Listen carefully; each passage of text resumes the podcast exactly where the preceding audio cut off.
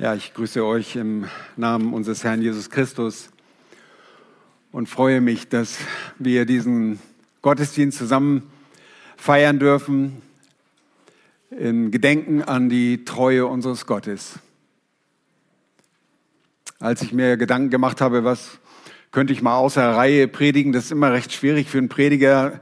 Ein Prediger liebt fortlaufende Texte, weil er weiß, was am nächsten Sonntag dran ist habe ich wirklich gesucht und ich habe gedacht, worauf kommt es an? Was ist der Grund, warum wir hier sind? Und der alleinige Grund, warum wir als Kinder Gottes uns hier an dieser Stelle versammeln, ist, weil Gott treu ist. Und wir könnten sicherlich eine Menge über Versagen sprechen. Wir könnten eine ganze Menge über Sünde reden in diesen vergangenen 20 Jahren. Wir könnten eine ganze Menge über falsche Motive und Irrtümer reden. Wir können über große Enttäuschung reden. Aber all das tut der Text vom Psalm 105 auch nicht. Er konzentriert sich einzig und allein auf die Treue unseres Gottes. Und so möchte ich auch nicht zurückblicken und meine Versagen irgendwo auf den Tisch stellen. Und die sind viele. Sondern ich möchte von Gottes Treue reden. Und das hat Gott selbst getan. Und als ich so darüber nachdachte, fiel mir die Geschichte ein des Volkes Israels, das sich in, den, in der Königszeit des Königs Sauls wenig um die Präsenz, die Gegenwart Gottes gekümmert hat. Und die Bundeslade, wie ihr erinnert, war nicht da, wo sie sein sollte. Sie war bei den Feinden zunächst. Und es war König David, der den Versuch unternahm, diese Bundeslade nach Jerusalem zu bringen. Mit guter Einstellung, wohlgerüstet mit einem neuen Wagen, der vor die Tiere gespannt wurde, um die Bundeslade nach Jerusalem zu bringen. Und man war freudiger Stimmung, aber die Stimmung war, wurde getrübt. Denn man transportierte die Arche, die Bundeslade, nicht auf die Art und Weise, wie Gott es gesagt hatte. Und der gut gemeinte und wohlwollende Ussa, der, der zur Kenntnis nahm, dass die Arche ins Rutschen kam, die Arche, die Bundeslade ins Rutschen kam, fest diese Bundeslade an und stirbt. Und selbst David wird erzürnt darüber. Und dann entsteht Furcht in ihm. Und so bleibt die Bundeslade in dem Hause eines Priesters aus Gad, eines Gatiters, Obed Edom Diener Edoms. Nun, drei Monate bleibt sie dort und Gott segnet das Haus Obed Edoms. Die Bundeslade war symbolisch, war repräsentativ für die Gegenwart Gottes. Und David tat recht daran, diese Bundeslage nach Jerusalem zu bringen, denn er selbst baute sich dort Häuser, ein Palast, und er baute auch eine Stätte für diese Bundeslade. Und so unternahm er nach drei Monaten Segnung für Obed Edom in der Gegend von Kiriat Jearim. Ähm, war es sein Anliegen, diese Bundeslade doch nach Jerusalem zu bringen. Und aus Anlass dieses wunderbaren Festes, das war wirklich ein Fest nachzulesen, könnt ihr das in 1. Chronik Kapitel 15 und 16. Aus diesem Anlass bestimmte David auch etliche Leviten zu Dienern vor der Lade des Herrn und auch solche, die Dank sagen sollten. Da ist im 1. Chronik Kapitel 16 Vers 7 zu derselben Zeit gab David zum ersten Mal Asaf und seinen Brüdern den Auftrag, Jahwe zu danken also gezielte Lieder zu singen. Und wir kennen Asaf als Komponisten aus dem Psalm. Aber hier diese Übertragung an Asaf und seine Brüder, den Auftrag, dem Jahwe zu danken. Und wir lesen dort, was wir dann lesen in 1. Chronik Kapitel 16, sind große Teile dieses Psalms 105 aus Psalm 106, zwei Verse und große Teile aus Psalm 96. Und es ist auffällig, dass dieser Psalm, der dann gesondert geschrieben wird, nur wenige kleine Änderungen hat. Und ich gehe darauf später ein, wo sich Imperative, Befehle in ein Indikativ, in das, was der Herr tut und nicht, was wir tun sollen, ändert. Dieser Psalm 105, die Verse 1 bis 15, wie ich sagte, kommt zusammen mit Psalm 106, die Verse 47 und 48 und große Teil vom Psalm 96 in Davids Lobgesang, dort in 1. Chronik 16, die Verse 8 bis 36 vor. Im Psalm 105, wie ich sagte, wird ausschließlich die Treue Gottes, Jahwes, hervorgehoben. Und das ist auffällig. Wirklich auffällig. Wer das liest und wir denken, dass diese Psalmen in einer bestimmten Anordnung 104, 105, 106 zusammen angeordnet worden durch den Heiligen Geist. Aber dieser eine Psalm ist auffällig dafür, dass er die Treue Gottes betont. Wir feiern heute auch die Treue unseres Gottes. Es gibt nichts zu feiern, was wir getan hätten. Nun, über all das wollen wir heute Nachmittag die Vollkommenheit unseres Gottes preisen. Er ist der Fels. Er ist vollkommen in seinem Tun. Ja, alle seine Wege sind gerecht, sagt Mose, 5. Mose 32. Ein Gott der Treue und ohne Falsch. Gerecht und aufrichtig ist er. Und diese Treue wird so deutlich und ersichtlich im Psalm 105 den die Israeliten nach diesem historischen Ereignis oder zu diesem Ereignis der Überführung der Bundeslade nach Jerusalem zusammen sangen, unter der Anleitung von Asaf und den Brüdern. Und dann wurde dieser Psalm separat in ihren Gottesdiensten zur Ehre Gottes, zur Ermutigung und zur Erinnerung gesungen. Und ich habe diesen Psalm überschrieben, weil Gott treu ist. Punkt, Punkt, Punkt. Das reicht noch nicht aus. Weil Gott treu ist, sind auch wir Anbeter Jahwes. Die ersten sechs Verse dieses Psalms zeigen uns zehn beziehungsweise elf Imperative, elf Befehle, elf Dinge, die die Anbeter damals tun sollten. Und diese Dinge finden wir genauso in unseren Reihen wieder. Und wir haben schon damit begonnen. Vor dem Gottesdienst, vor, dem, vor der Predigt haben wir Dankeslieder gesungen. Wir sind dem bereits nachgekommen. Diese Imperative, diese Befehle sind bei uns Indikative geworden, sind Wirklichkeit geworden, weil wir Anbeter Gottes geworden sind. Psalm 105 ist ein Dankes-Lobpsalm für die gemeinsame Gottesdienstfeier dieser Psalmen, so wie Psalm 107 und 118 und 136, beginnen alle mit Dank bzw. Lob und gehören zu dieser Kategorie von Dankespsalmen. Und weil sie alle mit dem hebräischen Dank, Lob, Yada in der sogenannten Hifil beginnen, äh, sind sie die sogenannten Hodu-Psalmen. Hodu heißt Lobe, danke, danket ihr.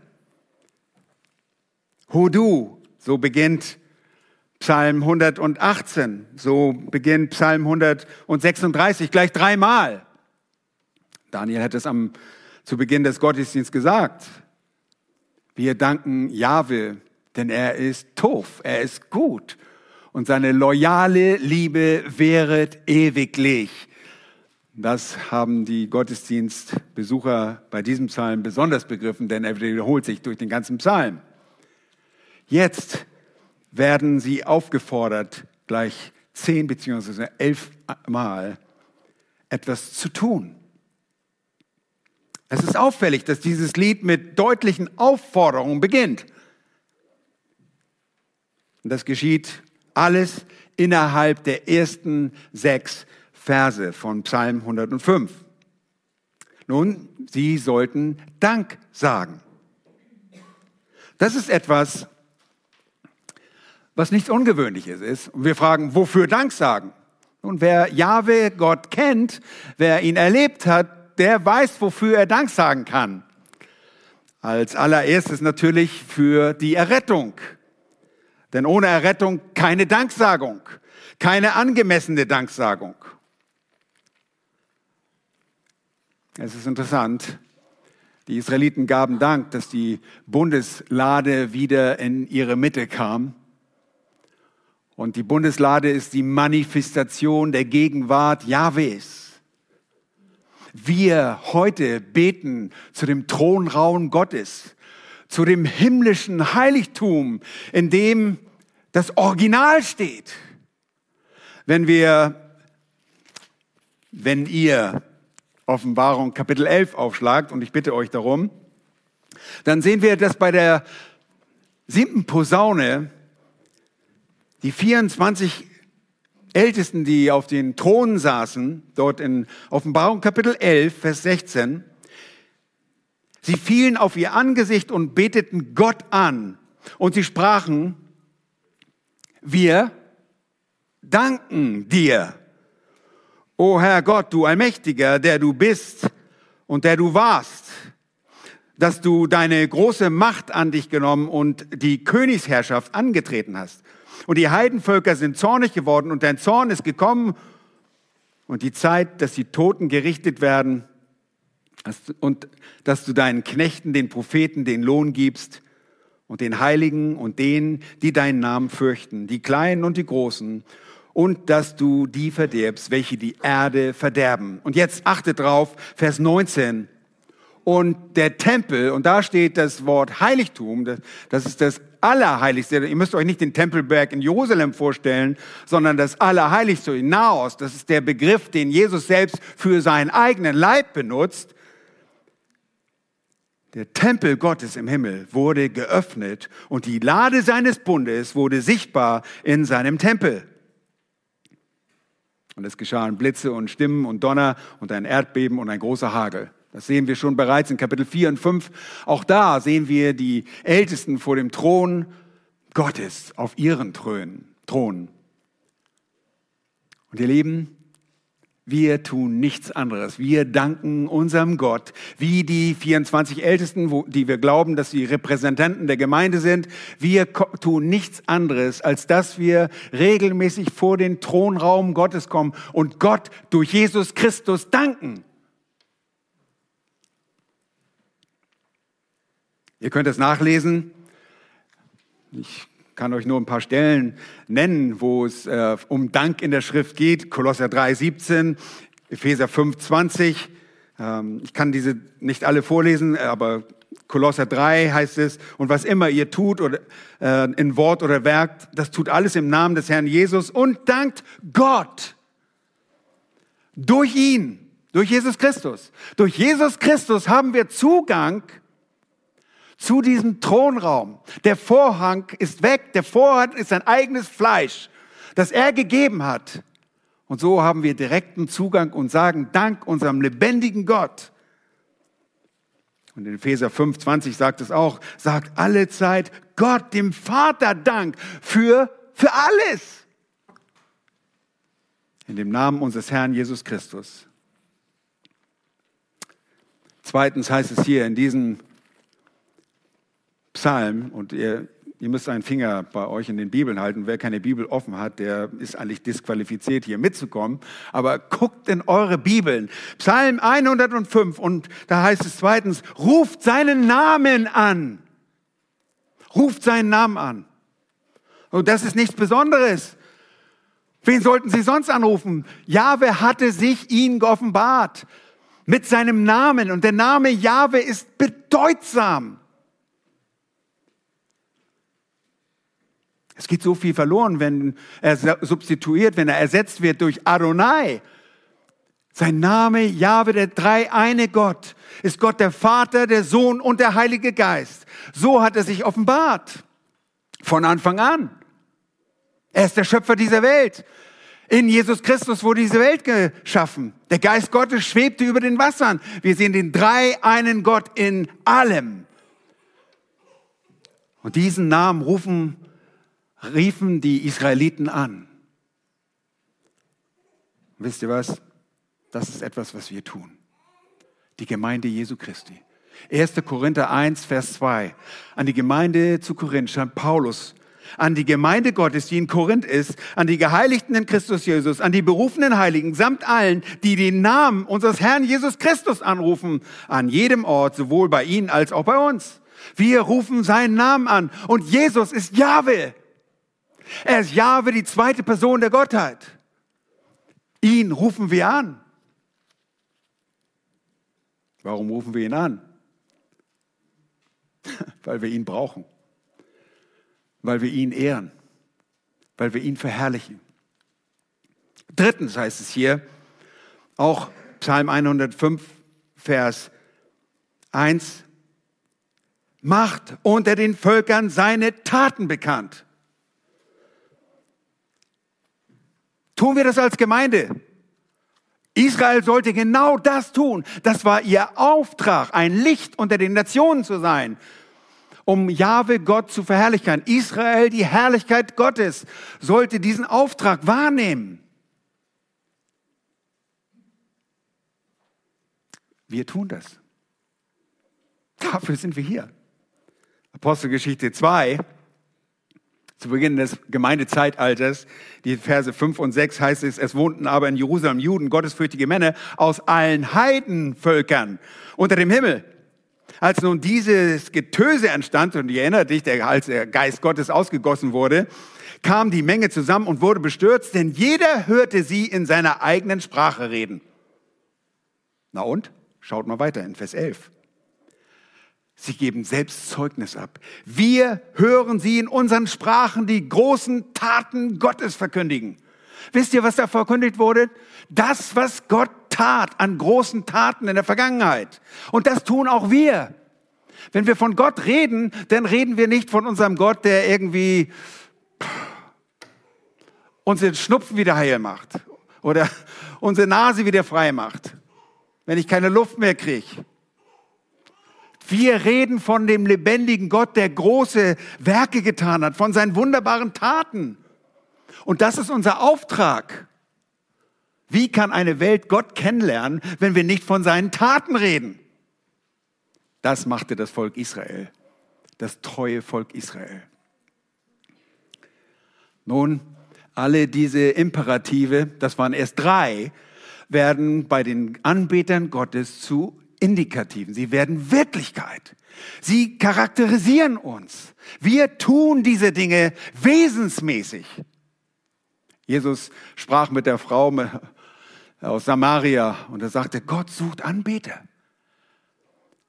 Er sucht wirklich wahre Anbeter, die ihn in Wahrheit, in, in, mit ganzem Herzen, ganzem Herzen anbeten.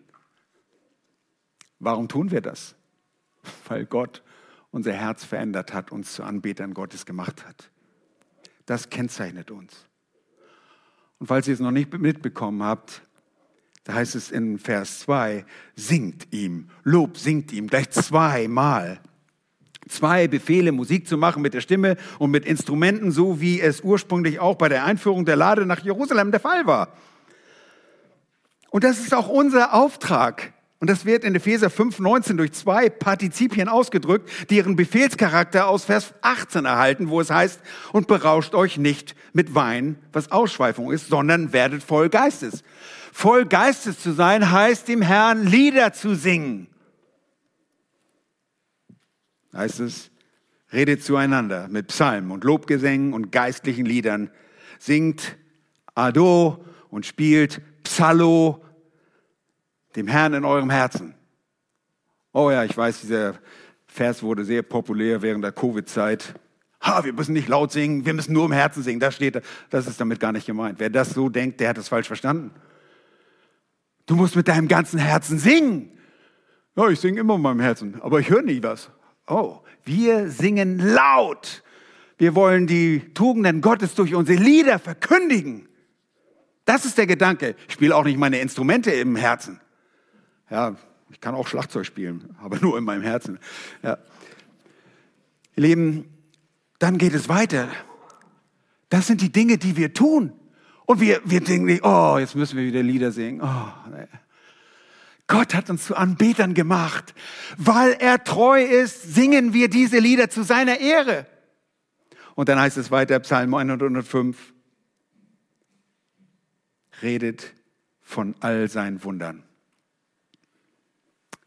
Und Daniel hat schon gesagt, das größte Wunder ist nicht irgendetwas, sondern die Menschwerdung unseres Herrn Jesus Christus. Aber es gibt noch viele andere Wunder. Das würde Daniel auch, dem würde Daniel zustimmen.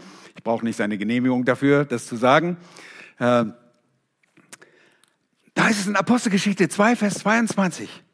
Ihr Männer von Israel, sagt Petrus, hört diese Worte. Jesus der Nazarener, ein Mann, der von Gott euch gegenüber beglaubigt wurde durch Kräfte und Wunder und Zeichen, die Gott durch ihn in eurer Mitte wirkte, wie ihr auch selbst wisst. Nun, Petrus erinnert an die Kräfte und Wunder und Zeichen, die ihnen, den Zuhörern, noch bekannt waren. Und weil sie den Menschen heute nicht bekannt sind, reden wir davon. Wir reden immer davon, wenn wir das Evangelium von unserem Herr, unseres Herrn Jesus Christus verkündigen, dann erzählen wir von den Wundern Jesu Christi. Wo sind die? In den Evangelien. Ganz besonders. Schaut mal in Matthäus 8 und 9, die größte Ansammlung der Wunder überhaupt, die Jesus getan hat. Alle Arten von Wunder, die er getan hat. Von seinen Wundern reden wir. Aber wir reden noch mehr. Wir reden hier nicht nur von Jesus, wir reden von Jahwe. Und Jahwe besteht nicht nur ein Drittel Gott, das ist Jesus, sondern Gott der Vater, durch seinen Sohn und den, den Heiligen Geist hat Wunder gewirkt in der Geschichte dieser Menschheit, hat Menschen gerettet. Rühmt euch seines Namens, ist das nächste. Seht ihr das in dem Text, Psalm 105, rühmt euch seines heiligen Namens. Dieser Name ist einzigartig. Heilig ist abgesondert, ist einzigartig. Ich meine, was ist schon Dieter? Dieter heißt jeder, jeder Hans und Franz, oder? Aber Jahwe Gott ist ein einzigartiger Name mit einer einzigartigen Bedeutung. Er ist der Ewige, es drückt seine ewige Existenz aus. Seine Selbstgenugsamkeit. In der ewigen Vergangenheit war Gott für sich. Und er hat nicht Däumchen gedreht, weil Gott ist Geist. Der hat keine Daumen. Und der war nicht gelangweilt, weil er da allein war. Gott ist der selbstgenugsame Gott. Dieser Gott offenbart sich den Menschen, er rettet sich eine Menschheit, er wählt sich ein eigenes Volk und er bleibt diesem Volk treu. Und dieser Name Jahwe spricht jedes Mal, wenn er erwähnt wird, dieser Name von seiner Treue, von seiner bündnishaltenden Treue. Denn Gott steht mit dem Volk Israel an einem Bündnis und von seiner Seite hält er diese Bündnisse. Er gibt ihnen Verheißungen und diesen Verheißungen gegenüber wird er gerecht. Auch wir tun das. Wir schauen in den Korintherbrief als Beispiel. 2. Korinther 10, Paulus in der Verteidigung seines Apostelamtes kommt dazu, dass er sagt in den Versen 17 und 18, wer sich aber rühmen will, der rühme sich des Herrn. Denn nicht der ist bewährt, der sich selbst empfiehlt, sondern der, den der Herr empfiehlt. Und er schaute auf das kommende Gericht, das Gericht, das das offenbaren wird, was in der Wirklichkeit stattgefunden hat. Wenn du dich deiner Leistung rühmen willst, dann ist bei Gott kein Platz. Das sehen wir im Alten Testament, kommt aus, aus dem Buch Jeremia auch. Er sagt, Die Reichen sollen kommen.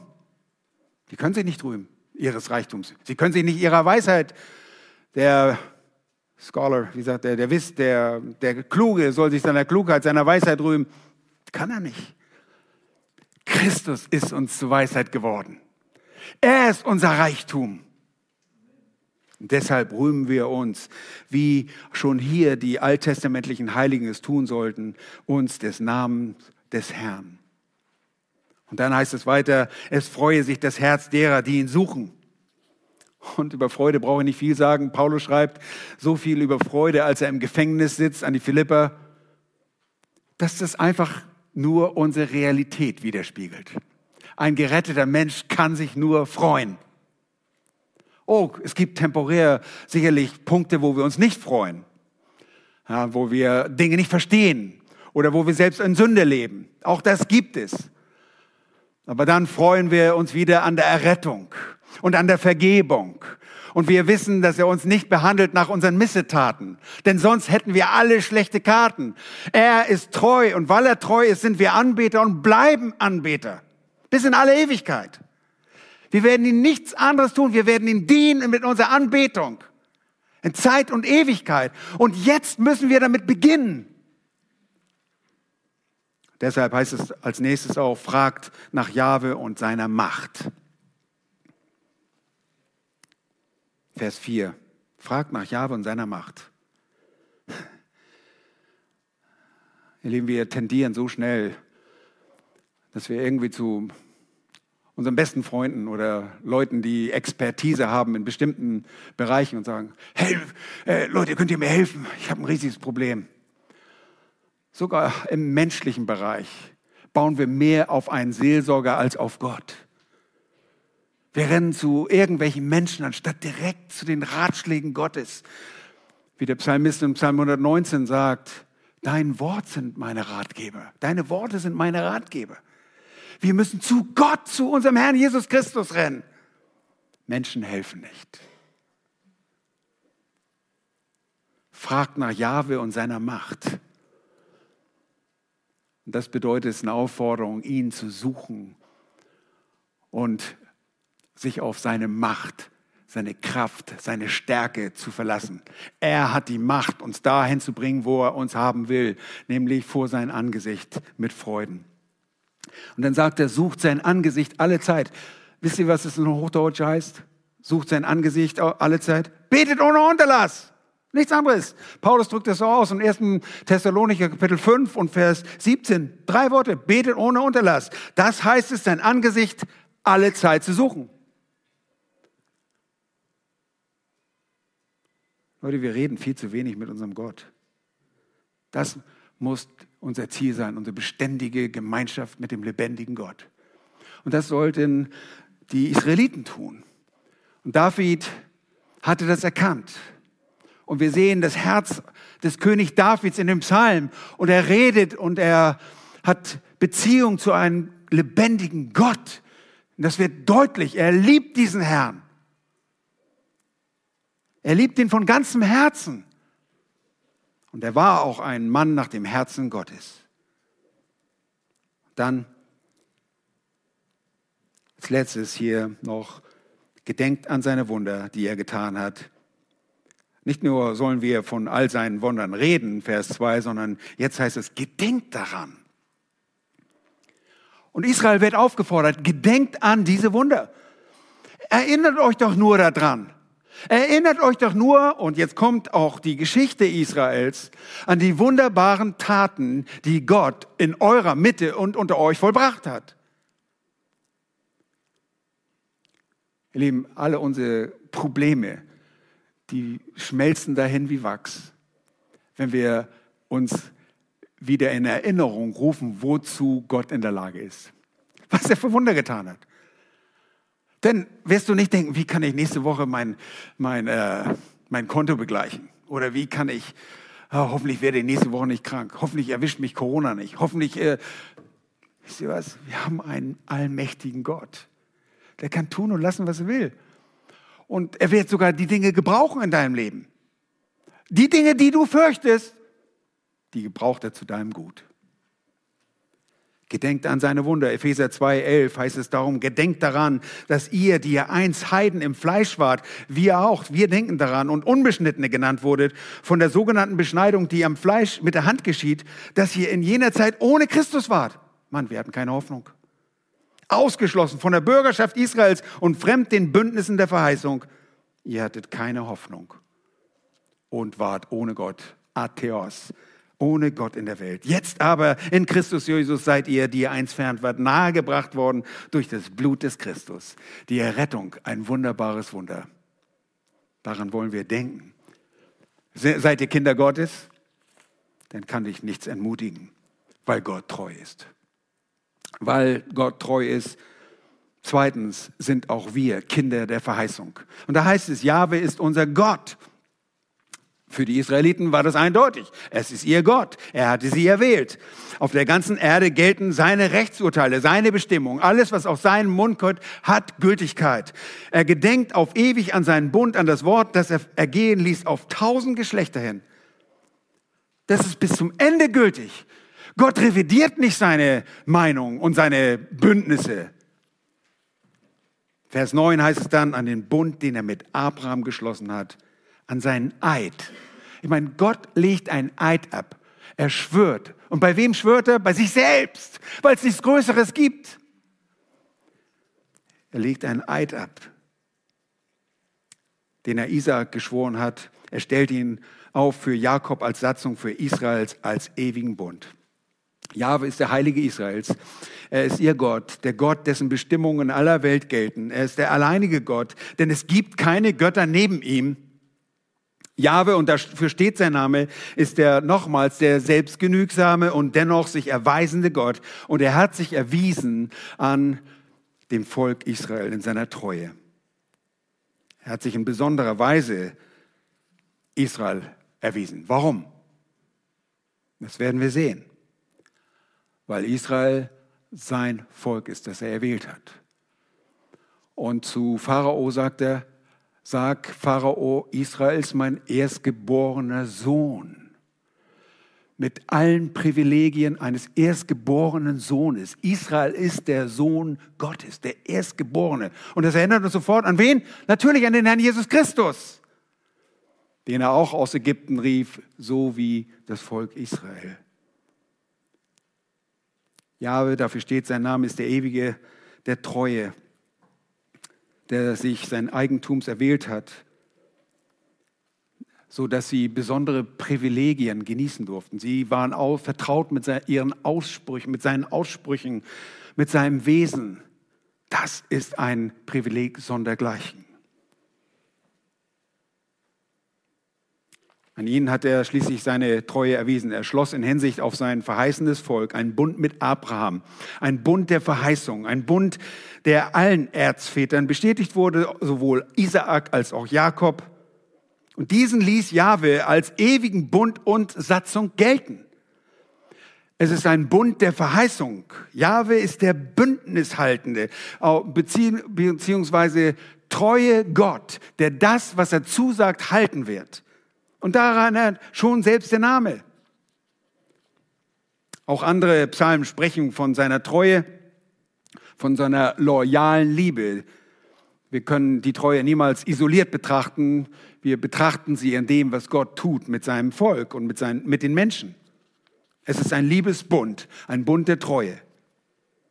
Und der Bund gründet sich auf seinen Verheißungen. Das sind bleibende Verheißungen, die durch den um der Übertretung willen hinzugefügten Bund am Sinai nicht ungültig gemacht wurden.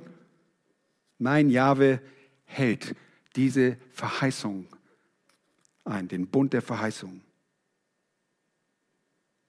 Und er unterscheidet sich von seiner unzuverlässigen Schöpfung. Nun, das für uns beeindruckende ist, wir zählen zu den Gesegneten des Bundes mit Abraham. Wir sind Gesegnete, weil Gott treu ist. Weil das so ist, ist dieser Psalm auch ein Lied des Dankes und Lobes für uns, des Lobens. Wir lesen zum Beispiel in 1. Mose 12 und Vers 3. Da heißt es, Jahwe spricht zu Abraham, Abraham, ich will segnen, die dich segnen und verfluchen, die dich verfluchen Und in dir sollen gesegnet werden alle Geschlechter auf der Erde. Ihr Lieben, zu diesen Geschlechtern, zu diesen Familien gehören auch wir. Uns wird ein spezieller Segen zuteil, nicht weil wir einfach zu den Nationen gehören, sondern zu dem Teil der Nationen, den sich Jahwe als gnädig erweist und treu erweist. Später in Kapitel 22, Vers 18 sagt der Bote Jahwes, das ist der Engel des Herrn, wir glauben eine Sohneserscheinung, der präinkarnierte Christus, erscheint dort und sagt zu Abraham, und deinem Samen sollen alle, in deinem Samen sollen alle Völker der Erde gesegnet werden, weil du meiner Stimme gehorsam warst. Ihr Lieben, alle Nationen sollen in dem Einsamen Abrahams gesegnet werden. Und das sind sie, weil, sie der, weil dieser Same Jesus, der Gesalbte ist. Und das können wir verstehen, indem wir das im Neuen Testament lesen, im Galaterbrief. Paulus schreibt den Galatern folgendes in Kapitel 3, Vers 8. Da sagt er, da es nun die Schrift voraussah, dass Gott die Heiden aus Glauben rechtfertigen würde, hat sie dem Abraham im Voraus das Evangelium verkündigt. Ihr Lieben, das, äh, das Evangelium nach Abraham heißt, in dir sollen alle Völker gesegnet werden. Das Evangelium wurde bereits dem Abraham verkündigt. Wir sind Gesegnete, weil der Same der Frau auch der Abrahams Same sein würde. Ein Singular. Eine Person, der Nachkomme, Jesus Christus, der fleischgewordene Gott. Nun ist aber nicht so, dass die Verheißungen an Israel hinfällig geworden wären und Gott sein Volk verstoßen hätte, weil sie so untreu waren. Paulus fragt das und erwartet das auch in Römer Kapitel 11, Vers 1 sagt er mit einer rhetorischen Frage, fragt er, hat Gott etwa sein Volk verstoßen? Das sei ferne. Paulus selbst war ein Beispiel dafür, dass Jahwe nicht Israel verstoßen hatte, sondern dass er es einen Überrest von treuen Israeliten gab, während die übrigen Israeliten verstockt waren und bis zum heutigen Tag verstockt sind. Sie sind Feinde, aber sie sind auch Geliebte um der Verheißung willen. Nachdem Paulus in Römer 11 durch Davids Worte aufzeigt, dass sie fallen würden, sagt er in Vers 11, durch ihren Fall wurde das Heil den Heiden zuteil, um sie zur Eifersucht zu reizen. Vers 12. Preist den Herrn. Das Heil kommt von den Juden zu den Nationen. Wir sind Kinder der Verheißung. Haben wir das nicht vorhin gesungen? Wir, wir singen das noch? Ah, wir singen das noch. Ich habe das schon gehört beim Üben. Wir stehen hier als Kinder, hoffentlich stehen wir auch dabei. Manchmal sitzen wir dabei und denke ich, oh, komisch, wir stehen hier und sitzen. Naja, wir sind Kinder der Verheißung. Wir sind es tatsächlich. Und da sagt Paulus, wenn aber ihr Fall der Reichtum der Welt und ihr Verlust der Reichtum der Heiden geworden ist, wie viel mehr ihre Fülle? Und das spricht von ihrer endgültigen Annahme des Evangeliums. Die Fülle ihres Glaubens wird es geben, der mittels eines weiteren Bundes, der noch hinzugefügt wird, nämlich der neue Bund, wird ersichtlich, dass Jahwe dem ganzen Haus Israel, einschließlich Juda, in der Zukunft ein neues Herz geben wird. das wird ein großer Segen für das ganze Reich Gottes werden. Ein gläubiges und Gott ergebenes Volk Israel wird Segen in ganzer Fülle sein. Nun, Jahwe wird seinen Geist in ihre Herzen ausgießen, wie dies schon zuvor in der Gemeinde Jesu geschah und noch immer da geschieht, wo bußfertige Sünder im Glauben auf das stellvertretende Sühneopfer des Herrn Jesus Christus vertrauen. Nur so kommt der spezielle rettende Segen zu uns, den Nationen, durch den Glauben an diesen Einsamen, an Jesus Christus, der für uns gestorben ist, der Gerechte für die Ungerechten der nicht nur ein Opfer gebracht hat, sondern ein Sühneopfer zur vollen Genugtuung und Zufriedenstellung Gottes, der seinen Zorn, Gottes Zorn besänftigt hat und die Welt mit sich selbst versöhnt hat. Deshalb haben wir den Dienst der Versöhnung. Lasst euch versöhnen mit Gott. Tut Buße, werdet auch Anbeter Gottes, indem ihr Buße tut und umkehrt. Oh ja, Jesus ist ein Segen für die Menschheit allgemein, aber erleben den Segen in der Rettung tun nur diejenigen, die wirklich glauben, was er getan hat. Wir müssen glauben. Und wir kommen am Ziel an, weil wir Gesegnete sind. Nun, das geschieht so, wie einst das Volk Israel aus der Sklaverei Ägyptens Errettung erlebte und das Land der Verheißung gebracht wurde. Wir vertrauen auf Jahwe, denn er ist treu. Dieses Vertrauen auf Jahwe, der durch den Glauben an ihn den Sünder rechtfertigt, sind wir Gesegnete. Gott ist treu. Und weil Gott treu ist, drittens, sind wir Fremdlinge mit einem gesicherten Erbteil. Sind auch wir, müssen wir sagen, Fremdlinge. Da heißt es in Versen 11 bis 15, als er sprach, dir gebe ich das Land Kanaan als das Los eures Erbteils, als sie noch leicht zu zählen waren. Da waren sie noch nicht mal eine Nation. Als sie schon in dem Land Kanaan waren als Fremdlinge. Nur wenige und Fremdlinge darin. Und sie zogen von einem Volk zum anderen und von einem Königreich zum anderen. Erinnern wir uns. Zu den Philistern und dann wieder zu den Ägyptern gab es eine Hungersnot. Er ließ sie von keinem Menschen bedrücken. Wir erinnern uns, wie Abraham beschützt wurde. Um Sarahs Willen. Ihr erinnert euch, zweimal geschieht diese Geschichte, dass äh, Sarah begehrt wird von den Königen, von Pharao und von dem Abimelech. Und Gott schützt sie. Und er züchtigt die Könige um ihretwillen. Ich denke, dass der Psalmist hier möglicherweise die beiden Könige vor Augen hat. Taste meine Gesalbten nicht an. Die Septuaginta sagt hier, tastet meine Christusse, meine Christus, äh, äh, Christus im Mehrzahl nicht an, meine Gesalbten. Das sind die Gesalbten, die Gläubigen, die Auserwählten. Und führt meinen Propheten kein Leid zu. Übrigens wird Abraham in 1. Mose 20 auch als Prophet bezeichnet. Das findet auch Anwendung in Bezug auf Isaac und auf Jakob. Wir haben als solche neuen Menschen keine dauerhafte Bleibe mehr hier auf dieser Erde, inmitten einer gefallenen Menschen. Diese Welt ist auch nicht unser Zuhause.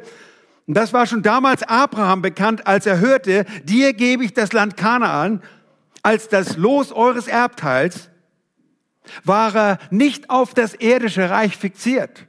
Das könnte man sehr leicht meinen. Könnte meinen, oh, ja, endlich kriege ich mal eine große Länderei. Nein. Diese zunächst irdisch erscheinende Verheißung wurde ihm gegeben, als sie noch wenige waren.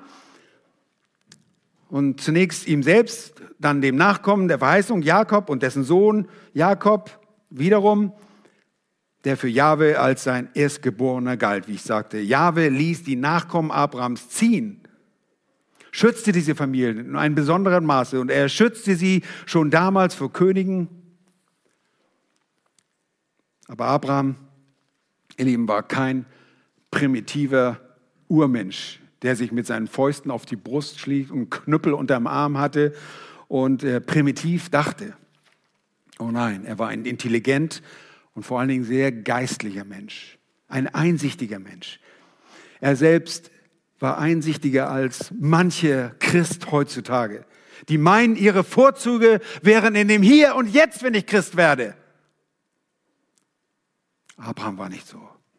Hört einmal, was Gott durch den Geist, durch den Schreiber des Hebräerbriefes sagen lässt. Durch Glauben erhielt er, das ist Abraham, sich in dem Land der Verheißung auf wie in einem Fremden und wohnte in den Zelten mit Isaak und Jakob, den Miterben derselben Verheißung denn er wartete auf die Stadt, welche die Grundfesten und deren Baumeister und Schöpfer Gott ist. Das ist erstaunlich, oder? Hebräer 11, 9 bis 10. Abraham wusste, dass es mehr gibt als das verheißene irdische Kanaan. Bei der Zeit würde er ohnehin schon tot sein, denn ihm wurde gesagt, dein Volk geht erstmal 400 Jahre in die Gefangenschaft und bis dahin bin ich sowieso schon tot. Die Stadt, auf die er wartete, man höre und staune, ist die freie Stadt des ewigen Reiches, das obere, das himmlische Jerusalem, Zion, welche unser aller Mutter ist. So schreibt es Paulus in Galater 4, Vers 26. Auch wir sind Fremdlinge. Wir sind Pilger, wir sind Gäste in dieser Welt. Wir sind unterwegs eben zu dieser Stadt, denn auch wir sind Erben des Reiches, wie die Heiligen des Alten Testaments. Oh, wir sprechen viel zu wenig darüber. Wir erwarten ein herrliches Reich. Lukas 16, 16 sagt, bis, bis zu Johannes dem Täufer wurde Mose gepredigt, aber jetzt wird das Reich gepredigt. Und das Reich Gottes kommt, das Evangelium des Reiches Gottes. Wir werden ein Reich erben. Ja, Gott baut die Gemeinde durch Jesus Christus. Und wir sind Erben des ewigen Reiches. Warum ist es so? Weil Gott treu ist. Weil Gott treu ist. Und er sucht der Anbeter und hat uns zu solchen gemacht. Er ist treu und baut seine Gemeinde und die Gemeinde wird das Reich Gottes erben. Und wir sind Erben des Christus, Miterben des Christus. Unser ist das Reich. Aber solange wir nicht in dem Reich Gottes sind, bleibt der Herr unser König in einer Welt, die uns fremd ist, eine Welt, in der wir Pilger sind, unterwegs sind. Aber lass uns nie eines vor Augen verlieren. Wir haben ein gesichertes Erbe. Und selbst das irdische Reich, das tausendjährige Reich wird ein Ende haben, aber wir haben ein Reich, das bewahrt ist, ein Erbe, das äh, bewahrt ist in den Himmel, sagt Petrus im ersten Petrusbrief Kapitel 1. Absolut sicher. Nun, vielleicht verkündigen wir viel zu wenig das Reich Gottes. Das ist nicht ein neuer Weg, um Gott, zu Gott zu kommen. Das Evangelium vom Reich Gottes hat nur den Lohn der Errettung vor Augen und die wunderbare Herrlichkeit, die wir schon in diesem Reich auf dieser Erde erleben werden. Solange wir hier sind, bleibt Gott treu. Und weil Gott treu ist, sind wir auch Vertraute der Vorsehung und Macht Gottes. Und jetzt kommt der längste Teil und ihr könnt euch vorstellen, der kürzeste Teil. Nun, wir können die Geschichte nicht ganz aufarbeiten, selbstverständlich nicht. Die Geschichte des Volkes Israel ist die größte Machtdemonstration Jahwes in der Geschichte an den Menschen. Wir sind Vertraute der Vorsehung, viertens, und Macht Gottes. Und es ist erstaunlich. Wir, die Belehrten, kennen dieses Israel. Und wir wissen um ihren Götzendienst und Unglauben. Wir wissen um ihre mohrende Rebellion. Aber nichts davon ist in diesem Psalm. Stattdessen erinnert dieser Psalm nur an die Macht Gottes, an Gottes Wege mit Israel, seine Vorsehung. Wie kam Israel nach Ägypten? Und hier werden uns die Verse in den Versen 16 bis 44 diese Dinge deutlich vor Augen gemalt. Gott rief eine Hungersnot herbei, Vers 16, über das Land und zerschlug jede Stütze an Brot. Es gab kein Brot mehr. Sie waren gezwungen, wohin zu gehen? Nach Ägypten. Rate mal, wer da schon war. Josef. Wie kommt der denn dahin? Durch Gottes wunderbare Vorsehung. Was wir menschlich beurteilt gesagt haben, oh, die schrecklichen Söhne Jakobs, die ihren Bruder verkauft haben. Ja, ihr erinnert euch an die letzten Verse im ersten Buch Mose, Kapitel 50, dass sie böse Absichten hatten, aber Gott meinte es gut. Gott hat das in seiner Vorsehung gebraucht. Und das belehrt uns heute. Wir genauso, wir vertrauen. Wir sind Vertraute der Vorsehung. Wenn irgendwas in deinem Leben passiert, wo du denkst, oh, das passt mir jetzt gar nicht, dann weißt du, Gott steht da drüber selbst über deine eigene Sündhaftigkeit. Erstaunlich! Sollten wir deshalb sündigen? Das sei ferne. Aber Gott gebraucht alles in deinem Leben und wird letztlich alles für seine Kinder so gebrauchen, dass er maximal geehrt wird. Nun, hier heißt es, sie zwangen diesen Mann, er sandte einen Mann vor ihn her. Das ist Josef. Josef wurde als Sklave verkauft. Sie zwangen seinen Fuß in einen Stock, sein Hals kam ins Eisen, bis zu der Zeit, da sein Wort eintraf. Vielleicht ist es eine Anspielung auf seine Träume, die er hatte. Und der Ausspruch Jahwes ihn geläutert hatte. Und äh, vermutlich war dieser verwöhnte kleine Josef mit seinem bunten Mantel von seinem Vater verwöhnt ein bisschen äh, eingebildet und so musste der Herr ihn läutern. Und er brachte ihn zunächst in die Grube der Zisterne und dann in Potiphas Haus und von Potiphas Haus ging es in den Knast, in das Gefängnis. Und dann plötzlich heißt es, der König sandte hin, befreite ihn. Und die Völker, der die Völker beherrschte, ließ ihn los. Und man muss gucken, wovon redet der Psalmist hier? Manchmal ist es sehr schwierig und ich glaube intendiert, beabsichtigt in diesem Psalm, dass wir die Personalpronomen nicht genau zuordnen können. Redet er jetzt von dem Pharao? Redet er von Gott? Manchmal ist es sehr deutlich hier, aber manchmal müssen wir überlegen. Und beides ist wahr. Beides ist wahr. Denn Gott ist derjenige, der Herrscher benutzt und der seine Geschichte macht in seiner Vorsehung der Providenz Gottes. Der König sandte hin und befreite ihn. Das ist Pharao, der die Völker beherrschte. Das zeigt uns nur, Pharao war nicht nur irgendwie so ein kleiner regionaler König, sondern er war der König schlechthin zu der Zeit. Und die ägyptische Armee war nicht nur so eine Truppe mit Pfeil und Bogen und ein paar Knüppel unterm Arm, sondern wie, sie war die Weltmacht schlechthin. Und aus dieser Macht heraus, aus diesen Klauen wird das Volk Israel befreit, wird es erlöst. Israel zieht aus aus Ägypten.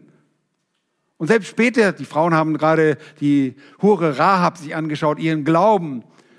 Selbst fast 40 Jahre danach ist Rahab noch so voller Furcht, dass sie gehört hat von diesen Ereignissen, die dort stattgefunden haben, dass sie glaubt und ihr Glaube ihr zur Rechtfertigung gezählt wird. Und er, Pharao setzte ihn zum Herrn über sein Haus und zum Herrscher über all seine Güter, dass er seinen Fürsten nach Belieben binde und seine Ältesten unterweise. Das war, konnte Josef tun. Und da zog Israel nach Ägypten, Papa Israel, Jakob, und wurde ein Fremdling im Land Hams. Und ihr wisst, wer Ham ist. Das hat uns Daniel deutlich gesagt. Das ist nicht der Verfluchte. Kanaan ist verflucht. Ham ist ein Nachkomme Noahs. Und Mizram, Ägypten, das ist das Gebiet, in dem sich die Hamiten ausgebreitet haben. Und dort wird er ein Fremdling. Erst war er Fremdling in dem Land, das ihm verheißen wird, jetzt ist er Fremdling in dem Land und auch das wurde Abraham gesagt. Und er führt sie dennoch heraus. Und er machte sein Volk sehr fruchtbar und ließ es stärker werden als seine Bedränger. Zahlenmäßig waren sie wohl in der Über, äh, Überzahl. Und die Ägypter bekamen Angst. Ihr kennt diese Geschichten zu Beginn des zweiten Buch Moses. Den Mord an den kleinen Söhnen. Und er verwandelte ihr Herz, dass sie sein Herz Volk hassten, arglistig handelten an seinen Knechten, an seinen Sklaven. Er sandte Mose, seinen Knecht Aaron, den er erwählt hatte. Die taten seine Zeichen unter ihnen und Wunder im Land Ham. Jetzt werden die zehn Gebote, die zehn Gebote, die zehn Plagen aufgeführt, nicht in chronologischer Folge, und, äh, aber so, dass sie in, diesen, in dieses Lied passten und sie enden mit dem Passa, mit dem das die Erstgeburt Ägyptens getötet wird. Wir sehen das in Vers 36. Und er schlug alle Erstgeburt in ihrem Land, die Erstlinge all ihrer, das ist die ägyptischen Kraft. Nun, ihr Lieben, wir werden vertraut mit Vorsehung und mit der Macht. Durch die ganzen Plagen demonstriert Gott seine Macht über die Götter Ägyptens. Jede einzelne Gottheit wird von Gott besiegt. Gott, Jahwe, ist größer. Gott, Jahwe, ist größer als die Geschichte, als alle Umstände. Und ihr Lieben, Gott ist treu. Weil Gott treu ist, sind auch wir vertraut mit der Vorsehung. Sollte uns irgendetwas jetzt ängstlich machen oder ängstlich stimmen, wenn wir wissen, dass Gott die Vorsehung, die Umstände der Geschichte braucht, um seine Ziele zu erreichen? Sollten wir das in Hinsicht auf seine Macht tun? Gewiss nicht. Und es geht weiter. Und er zeigt ihn, führt ihn vor Augen, dass er ihnen die Länder der Heiden gab. Ihr Lieben, nimmt Jahwe aus der Geschichte und der Palästinenser-Israel-Konflikt findet nie ein Ende. Nehmt Gott aus dieser Geschichte heraus, Es gibt keine Lösung für diese Ländereien, für diesen Konflikt, der dort unten herrscht. Aber Gott hat dieses Land verheißen. Er hat es ihnen zugesagt und er gab es ihnen und er tat es auch. Und dazu gibt er ihnen andere Bündnisse, Bündnisse, die seine Treue zum Ausdruck bringen. Da heißt es Vers 44, er gab ihnen die Länder der Heiden und was die Völker sich mühsam erworben hatten, das nahmen sie, die Israeliten, in Besitz, weil Gott treu ist. Das hatte er versprochen und das setzt er um. Und weil Gott treu ist, sind auch wir Bewahrer der Lehren Gottes. Da heißt es im letzten Vers, damit sie seine Besatzung hielten und seine Lehren bewahrten. Und jetzt, falls ihr noch nicht wisst, warum dieser Psalm geschrieben ist, Halleluja! Preist Jahwe. Die Auserwählten Israels erhielten das Land, das im Besitz der Völker war, die es selbst errungen hatten, und die Auserwählten sollten es erhalten. Und der Zweck, den Jahwe damit verfolgte, war, dass das Israel seine Satzung, das Israel Gottes, sein Israel, die Satzung halten würden, dass sie es bewahren würden, dass sie sich anders verhalten würden als die Kanaaniter, die zuvor in diesem Land wohnten und die das Land ausspie. Erinnert euch, der Grund, warum das Land nicht vorher eingenommen wurde, ist, weil das Maß der Sünden der Amoriter nicht voll war. Jetzt sollte Israel kommen und sie sollten ein Licht sein für die Nation. Gott tat das alles. Wir gehen nicht auf die Versagen Israels ein. Dafür ist die Predigt schon Overtime. Wir sind dazu bestimmt, genauso heute in seinen Satzungen zu leben. Wir sind dazu von oben herab Geborene, in seinen Bestimmungen zu leben, sie zu lieben.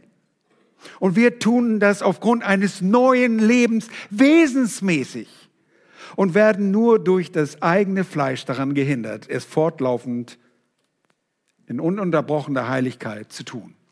Und deshalb müssen wir uns immer wieder reinigen. Aber von Gottes Seite, ihr Lieben, von Gottes Seite gibt es nichts, was er ändern muss. Gott ist treu. Gott braucht sein Wort niemals verändern. Wenn sich jemand ändern muss, dann bist du und bin ich das. Wir verkündigen sein Wort, dann das ist alles, was wir brauchen, um darin zu leben. Lasst uns in diesem Wort bleiben. Lasst uns dieses Wort genauso verkündigen, mit großer Freude, durch Gesang, durch das Zeugen von den Wundern Gottes. Denn er ist treu. Lass uns das gemeinsam tun. Lass uns auch beten. Herr, wir danken dir, dass du uns Teilhaber der Bündnisse hast werden lassen, die wir einst fern waren von allen Verheißungen, von der Bürgerschaft. Herr, dass wir getrennt waren. Wir waren ohne Hoffnung, ohne dich in dieser Welt. Wie schrecklich. Aber danke, dass du uns gesegnet hast durch den Herrn Jesus Christus. Du bist selbst gekommen, Herr Jesus Christus, um uns zu erlösen, damit wir für dich leben. Herr, und wir wissen, dass das Christentum bedeutet nichts anderes, als dich anzubeten. Anzubeten in der Woche, wenn wir nach deinen Bestimmungen leben anzubeten, kollektiv als Gemeinde, die du selbst zusammengestellt hast, die wir nicht selber erwählt haben. Herr, wir haben uns nicht unsere Geschwister, unsere Brüder und Schwestern erwählt. Sie sind aus Gott geboren. Und deshalb lieben wir einander.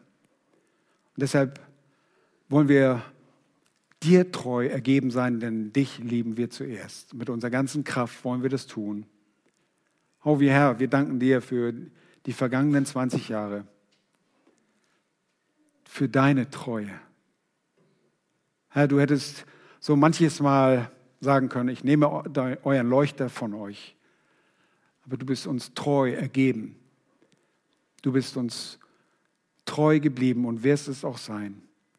Hilf, dass wir auch als treu erfunden werden, denn wir sind Haushalter und Diener und Haushalter über deine Geheimnisse und von diesen Haushaltern erwartet man nicht mehr, als dass sie treu erfunden werden. Hilf uns in Treue unser Christsein zu leben. Und Herr, ich bitte, wenn jemand hier ist, der dich nicht kennt, der dich nicht als Retter kennt, als solchen, der du dich offenbart hast, der Zweifel daran hat, ich bitte dich, überführe das Herz. Hilf, dass er Buße tut, dass er oder sie Buße tut und nicht in der ewigen Gottesferne enden wird. Ich bitte dich von ganzem Herzen, baue du weiter deine Gemeinde aufgrund deiner Gnade und Treue. In Jesu Namen. Amen.